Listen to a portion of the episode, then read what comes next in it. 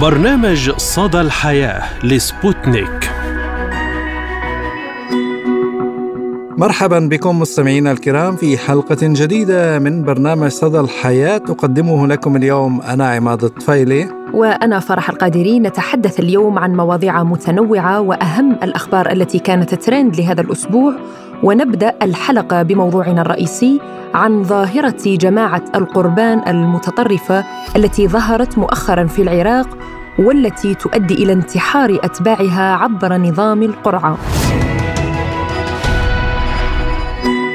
أثارت جماعة القربان التي ظهرت أخيرا في محافظة زقار جنوب العراق استغراب الأوساط الشعبية والسياسية حول الأفكار التي تتبناها والتي تؤدي إلى وفاة أصحابها عبر نظام القرعة إذ تطلق عبارات يرفضها ويستنكرها رجال الدين والأوساط الشعبية العراقية. ويجري الراغبون بالانتحار قرعة فيما بينهم والتي تعد ضمن طقوسهم الخاصة إذ وصلت حالات الانتحار إلى ثلاثة منهم خلال الفترة الأخيرة في مكان واحد مع اختلاف الوقت ومن ترسو عليه يقدم على قتل نفسه. بينما اكتشفت السلطات الأمنية في العراق جثثا لعدد منهم. وبحسب مصادر أمنية تناقلتها وسائل الإعلام المحلية العراقية فإن لجماعة القربان امكنه محدده تجمعهم للمناسبات وموكبا محددا خاصا بهم إذ كانت هذه المجموعة المنضوية تحت أحد أكبر المواكب الحسينية الكبيرة المعروفة في قضاء سوق الشيخ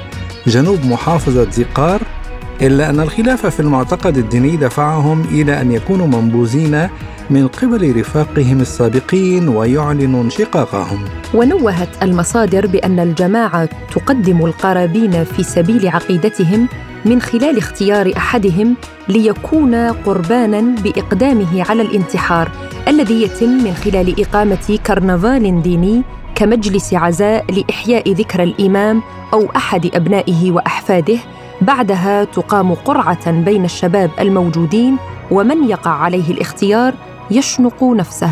مبينة هذه المصادر أنه ليس هناك تعليل لسبب اختيارهم الشنق دون غيره من حالات الانتحار. هذا في العراق أما في لبنان فقد ارتفع معدل الجريمة في الآونة الأخيرة في البلاد أكثر من خمسة حوادث قتل وانتحار شهدها جنوب لبنان خلال عطلة عيد الأضحى وبعد حادثة انتحار الشاب علي فرحات المثيرة للجدل في حارة حريك كونه مغتربا أتى لقضاء عطلة العيد في لبنان ووضعه المادي جيد.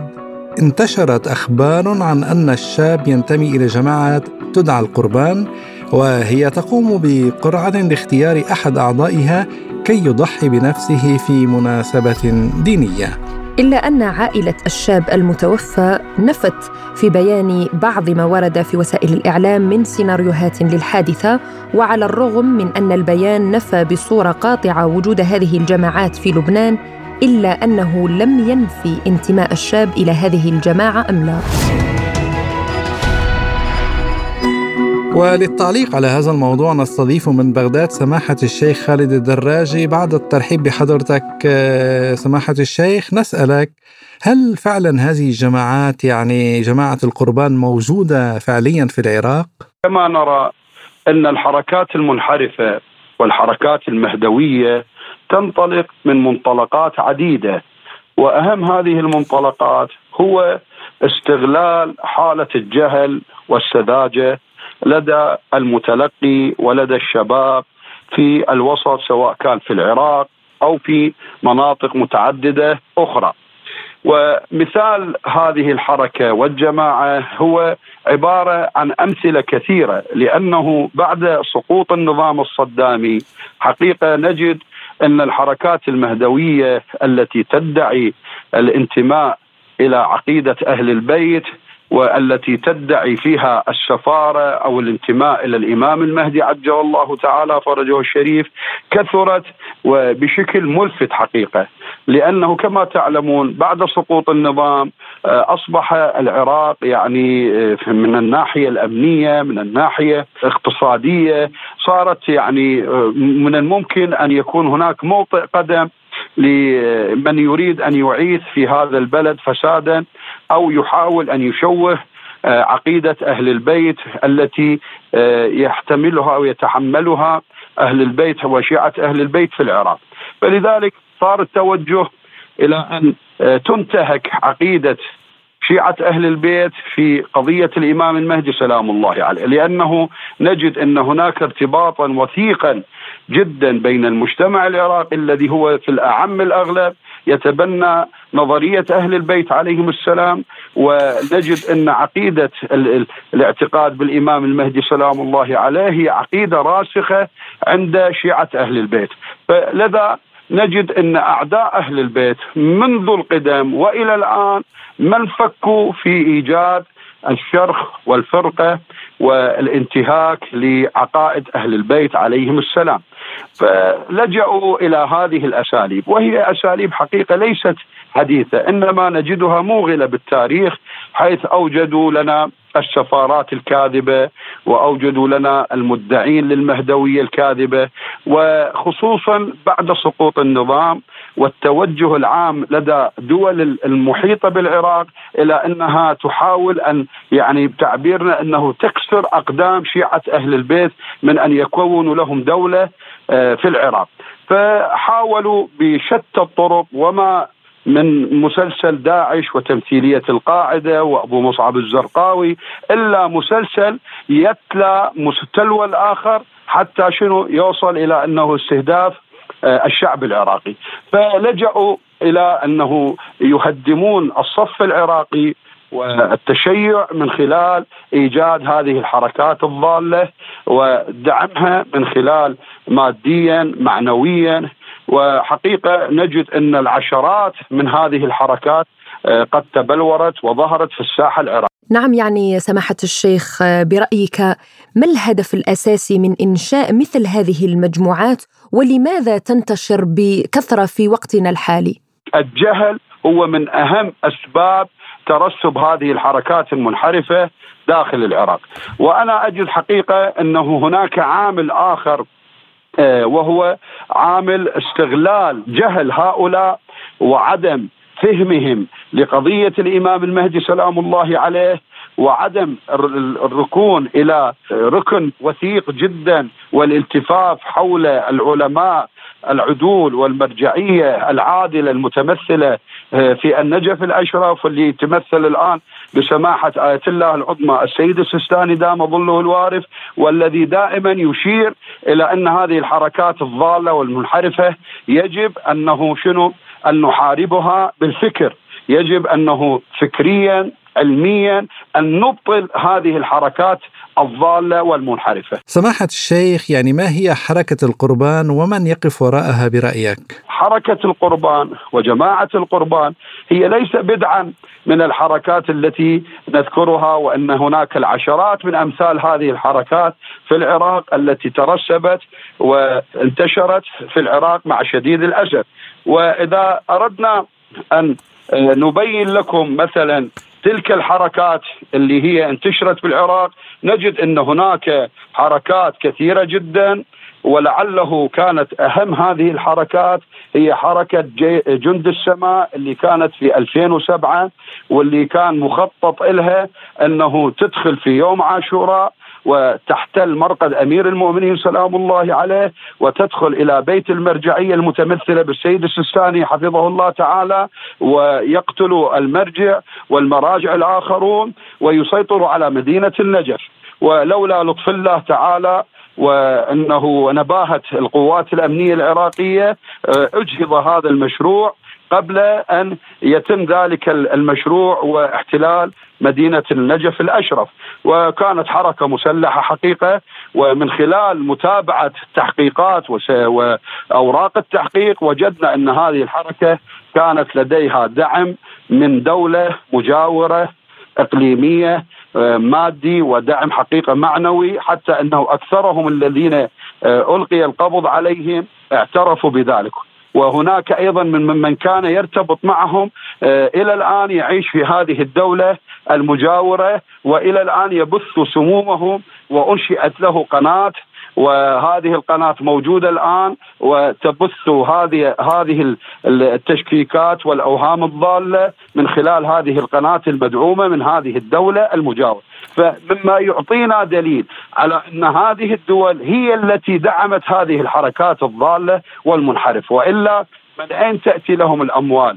ومن أين تأتي لهم العقارات؟ ومن أين يأتي لهم الأعوان؟ يصرفون أموال بالغه جدا، يعطون أموال ورواتب كثيرة إلى الذين ينتمون إليهم، وهذا يعني حقيقة يراد له جهد مال دولة مو جهد مال مثلا فردي أو جهد تبرعي مثلا على مستوى أشخاص يعني معدودون. نعم يعني سماحة الشيخ ما هي الاختلافات الموجودة بين المجموعات المتعلقة بحركة القربان والحركات الدينية الأخرى الموجودة سواء في العراق أو في غيرها. قبل فترة قليلة قبل لا تظهر آه، قضية جماعة القربان كانت هناك مجموعة تسمى أصحاب القضية هؤلاء ادعوا بأن السيد مقتدى هو المهدي وكذلك السيد تبرأ منهم يعني تشوف أنه إلى الآن هذه الحركات بين الآونة والأخرى تظهر إلينا ببدعة جديدة، مرة أن السيد فلان هو مثلا الإمام المهدي، مرة أن فلان هو سفير الإمام والإمام قد أرسله إلينا. هذه المجموعة مجموعة القربان حقيقة شنو تختلف عن سابقاتها؟ يعني هؤلاء سابقا الجماعات تدعي السفارة مرة يدعي شخص يقول أنا اليماني الموعود مرة يجي شخص يقول أنا مثلا سفير الإمام مرة يقول أنا الإمام المهدي بنفسه من خلال بث أفكار منحرفة ضالة ولكن أن يتطور الأمر إلى أنه مثلا يقدم المنتمي إلى هذه الحركة على الانتحار كقربان وهذا حقيقة تطور لافت في مسألة آه، الجماعات المنحرفة المهدوية. فهذه المجموعة حتما بحسب مصادرنا وبحسب ما موجود كذلك آه، في أجهزة الامن ألقي القبض عليهم وتحديدا في الناصرية في منطقة تسمى سوق الشيوخ وهؤلاء آه، يعني تقريبا هم آه، يعني شلون عندهم عقيدة نعبر عنهم بالعلي الهيه الذين يعبدون عليا عليه السلام ويعتبروه هو هو الله سبحانه وتعالى. ويكون عندهم حتى ديمومة هذه الحركة وديمومة هذه الانحرافات أنه لابد أن يقدم آه، شخص بالقرعة حتى ينتحر يكون يكون قربانا آه، للإمام سلام الله عليه أو هو يعبرون عنه الإله.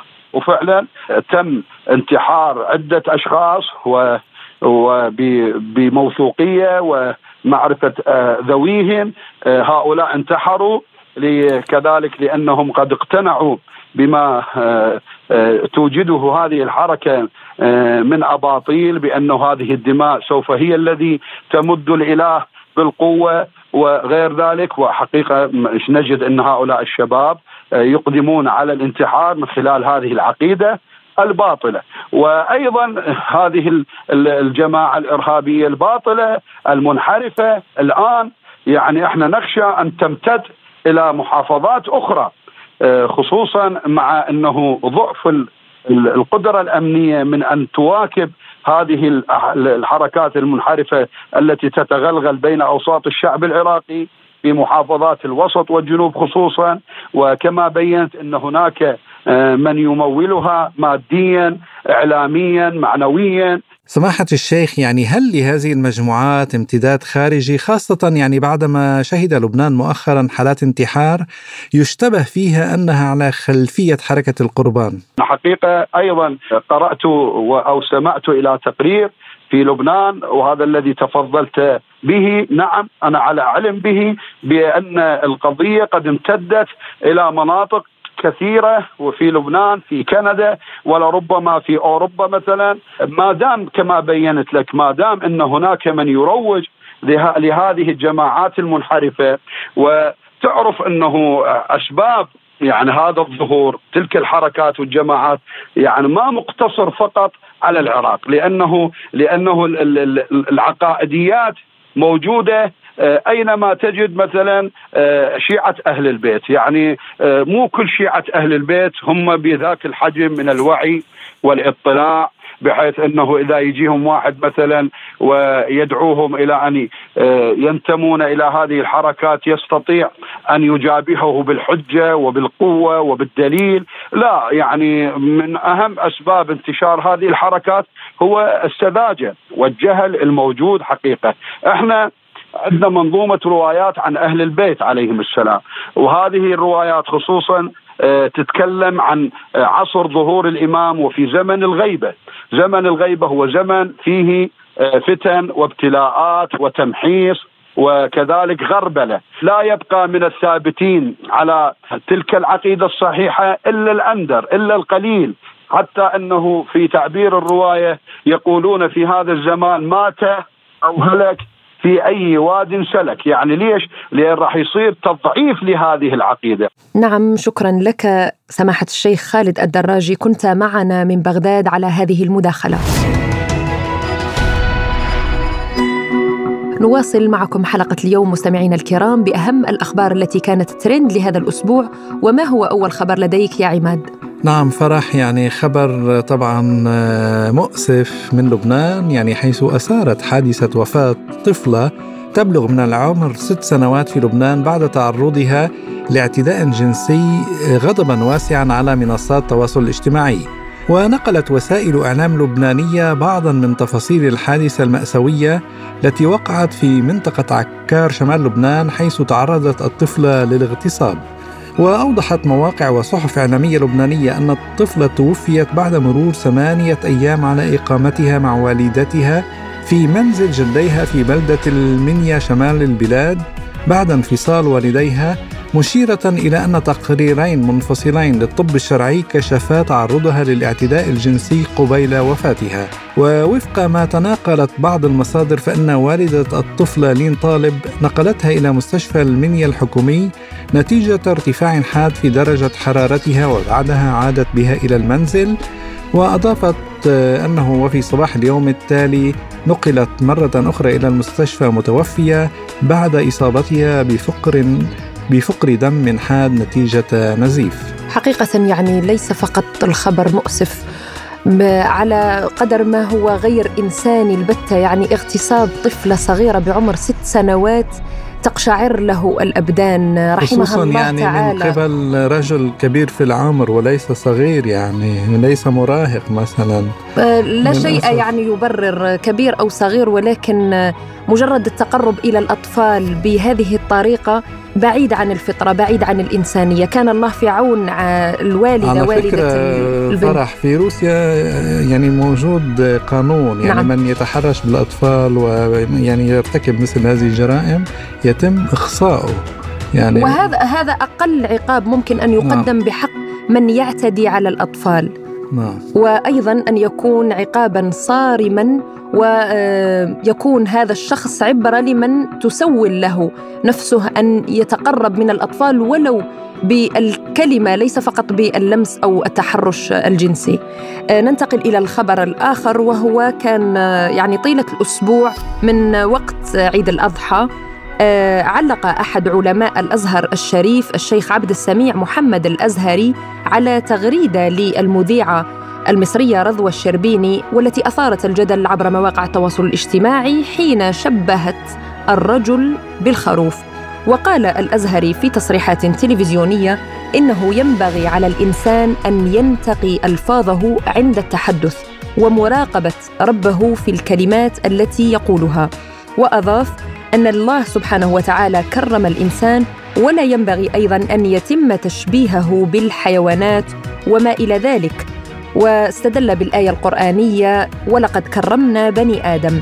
كما أوضح الأزهري أن احترام ما خلقه الله هو احترام وتقدير لله تبارك وتعالى محذرا من السعي وراء الترند وإفساد المجتمعات. كما دعا أيضا إلى وضع الكفاءات في أماكنها خاصة في مجال الإعلام واختبار من سيتحدث أمام الناس بحرص شديد لتأثير هذا الأمر بشكل كبير على المجتمع كما حث الجمهور على اختيار من يسمعه.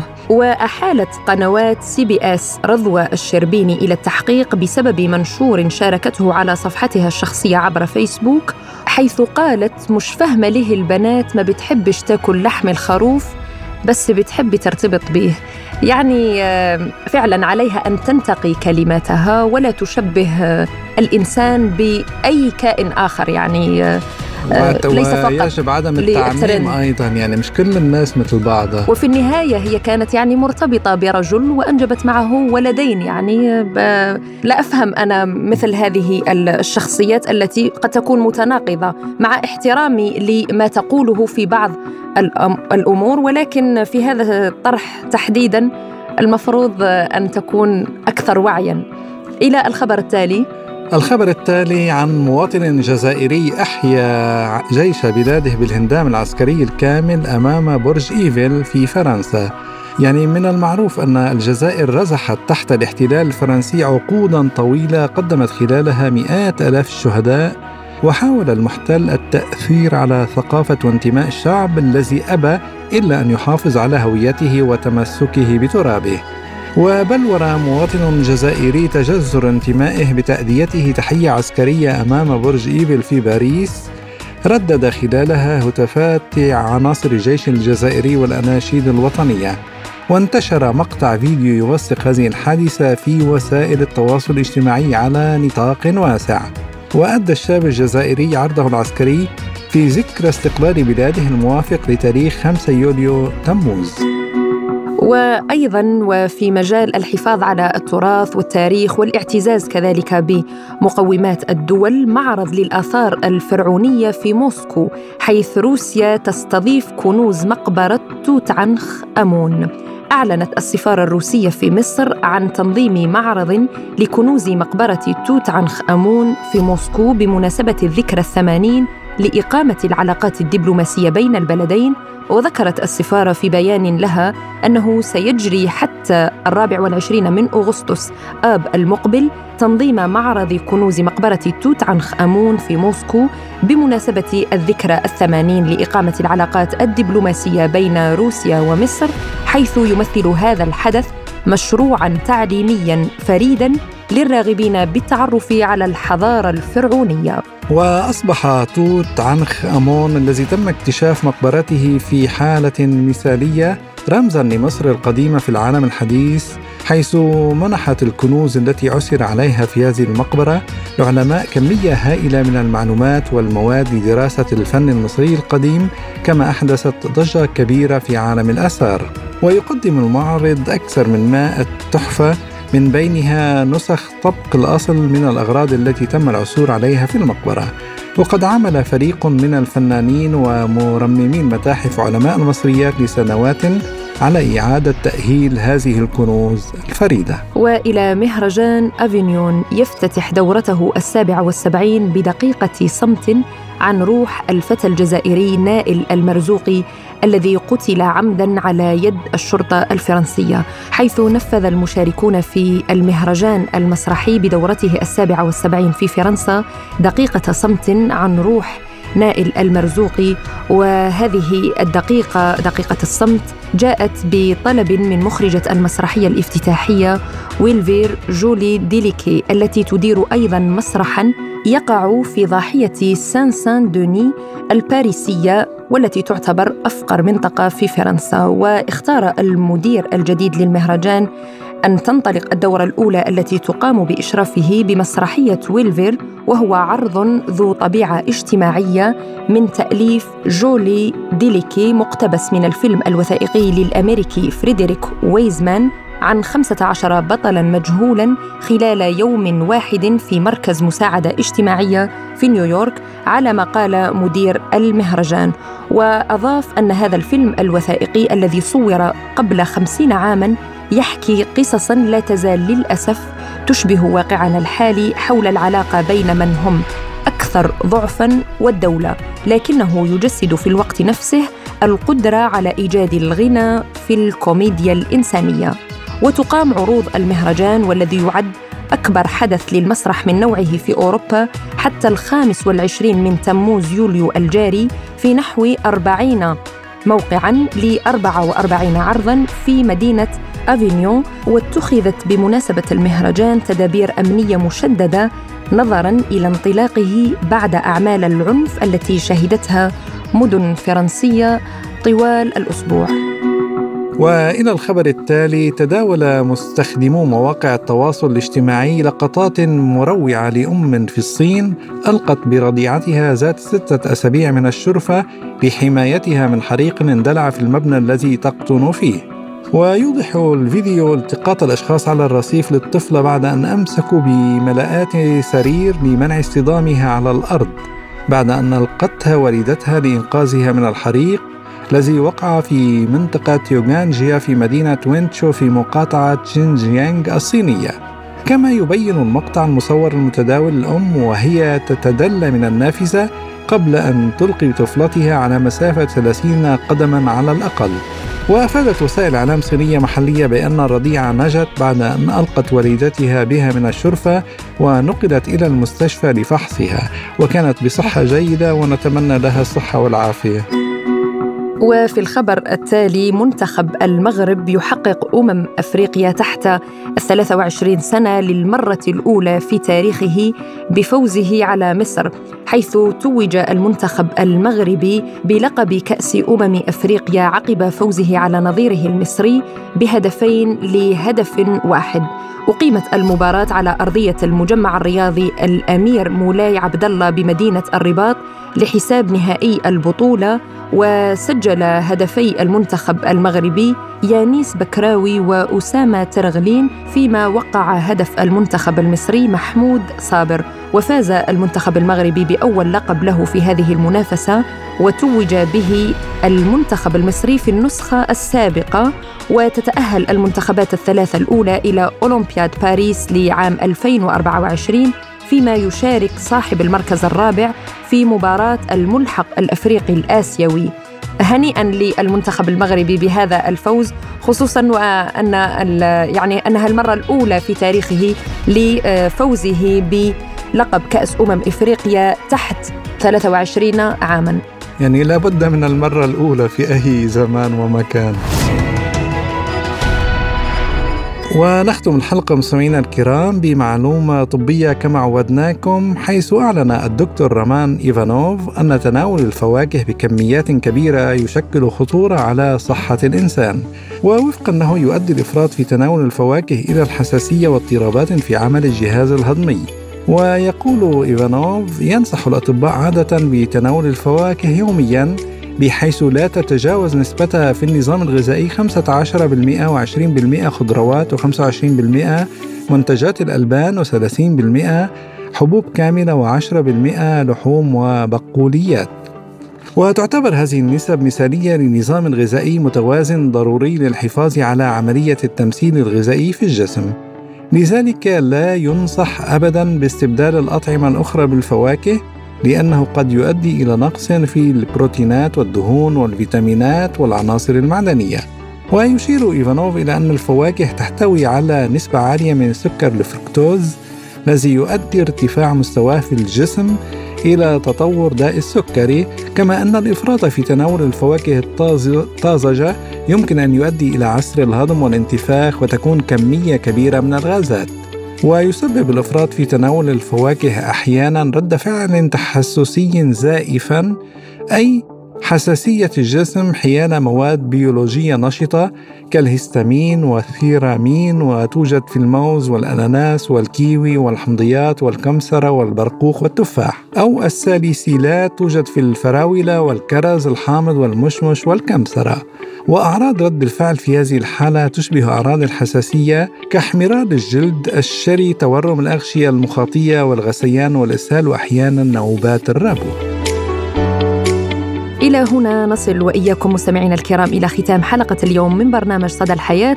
كنا معكم فيه من استديوهاتنا في موسكو أنا فرح القادري. وأنا عماد الطفيلي وشكرا لإصغائكم وإلى اللقاء. إلى اللقاء.